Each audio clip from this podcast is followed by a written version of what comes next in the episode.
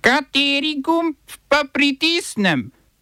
Tisti, na katerem piše OF.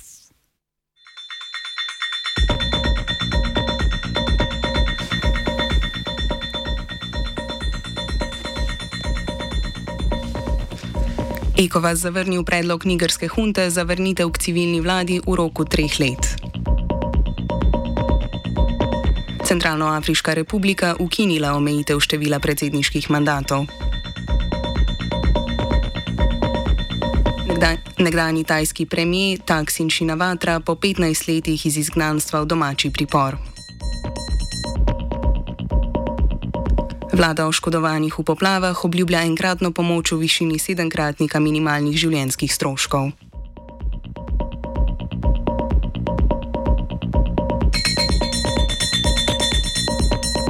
Afriška unija je po državnem udaru suspendirala članstvo Nigra. Iz unije, ki je politična skupnost afriških držav, so vsem svojim članicam sporočili še, naj se izognejo dejanjem, ki bi legitimirala hunto. Unija je v zadnjih dveh letih po državnih udarih suspendirala že Mali, Burkina Faso, Gvineja in Sudan.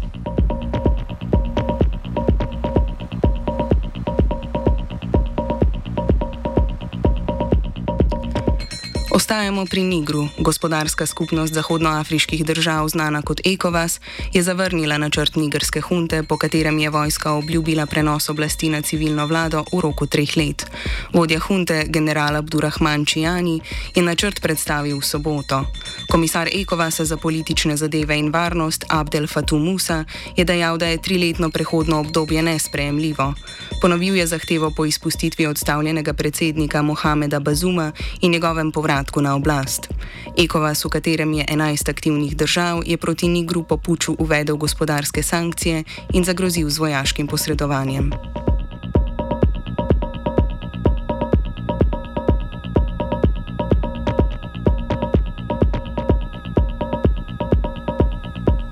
Ustavno sodišče Centralnoafriške republike je potrdilo rezultate julijskega ustavnega referenduma, na katerem je po navedbah sodišča 95 odstotkov udeležencev podprlo ukinitev omejitve predsedniških mandatov.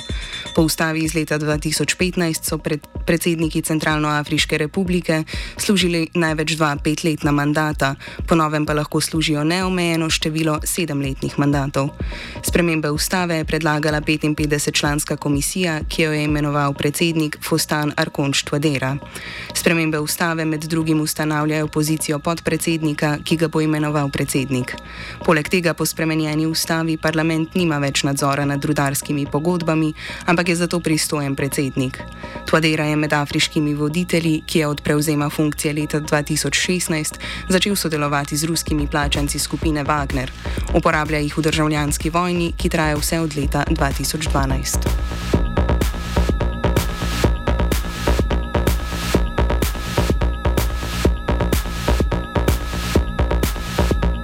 Libijska vlada skladno s schemo Združenih narodov v Nigerijo vrača 161 beguncev.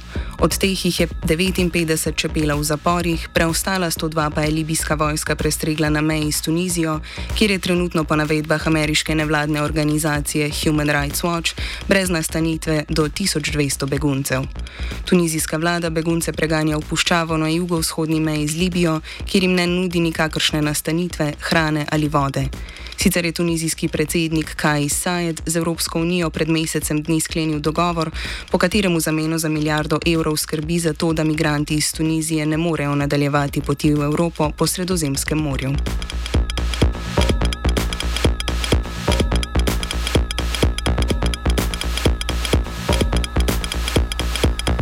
Srpski predsednik Aleksandr Vučić je po sestanku z ukrajinskim kolegom Volodimirjem Zelenskim obsodil napad na Ukrajino, vendar je zavrnil poziv k uveljavitvi sankcij proti Rusiji. Srečanja v Atenah so se poleg Vučića in Zelenskega udeležili premijeji Hrvaške, Bolgarije, Romunije, Severne Makedonije in Kosova, predsednica Črne Gore in Moldavije ter predsednica sveta ministrov Bosne in Hercegovine. Zelenski je na srečanju pričo kosovskega premijeja Albina Kurtija ponovil ukrajinsko stališče nepriznavanja kosovske samostojnosti.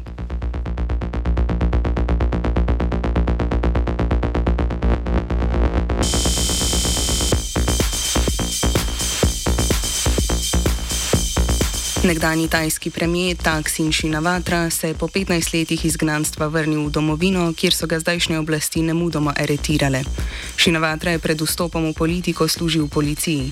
Leta 1997 je ustanovil in vodil največje tajsko telekomunikacijsko podjetje Advanced Info Service, zaradi česar je postal eden najbogatejših tajskih tajkunov. Leta 1998 je ustanovil stranko Tajci ljubijo Tajce, ki je zmagala na volitvah leta 2001. Šinavatra je vodil koalicijsko vlado svoje stranke in stranke novih prizadevanj do leta 2006, ko ga je v državnem udaru odstavila vojska. Istega leta je Šinavatra prodal svoje delnice v Advanced Info Service, kar mu je prineslo skoraj 2 milijardi evrov. Pri prodaji delnic pa ni plačal davka. Leta 2008 je Vrhovno sodišče Šinavatra v njegovi odsotnosti obsodilo korupcije in njegovo stranko ukinilo. Šinavatra je v izgnanstvu ohranil svoj politični vpliv s podpiranjem opozicijskih strank, ki so na volitvah pogosto prejele največ mandatov, vendar niso uspele vzpostaviti vlade. Leta 2001 je taksinova sestra Jinguk Šinavatra zmagala na volitvah, vendar so sodišča rezultate volitev razveljavila, njeno vlado pa je vojska odstavila v še enem državnem udaru. Naslednica Šinava 13 stranke, znana kot stranka za Tajce, je včeraj sporočila, da z desetimi strankami sestavlja vladno koalicijo, zaradi česar si je Šinavatra očitno upal vrniti domov. Prav danes je tajski parlament za novega premijeja izvolil nepremičninskega mogoca Seto Tavisina iz stranke za Tajce, ki je koalicijo oblikovala s promonarhističnim in provojaškimi strankami.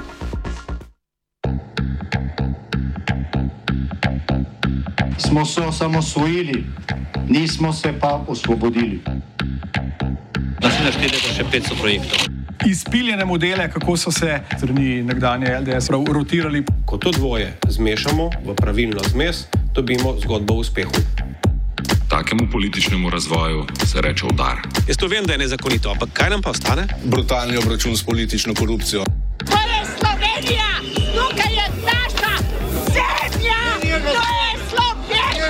Slovenija,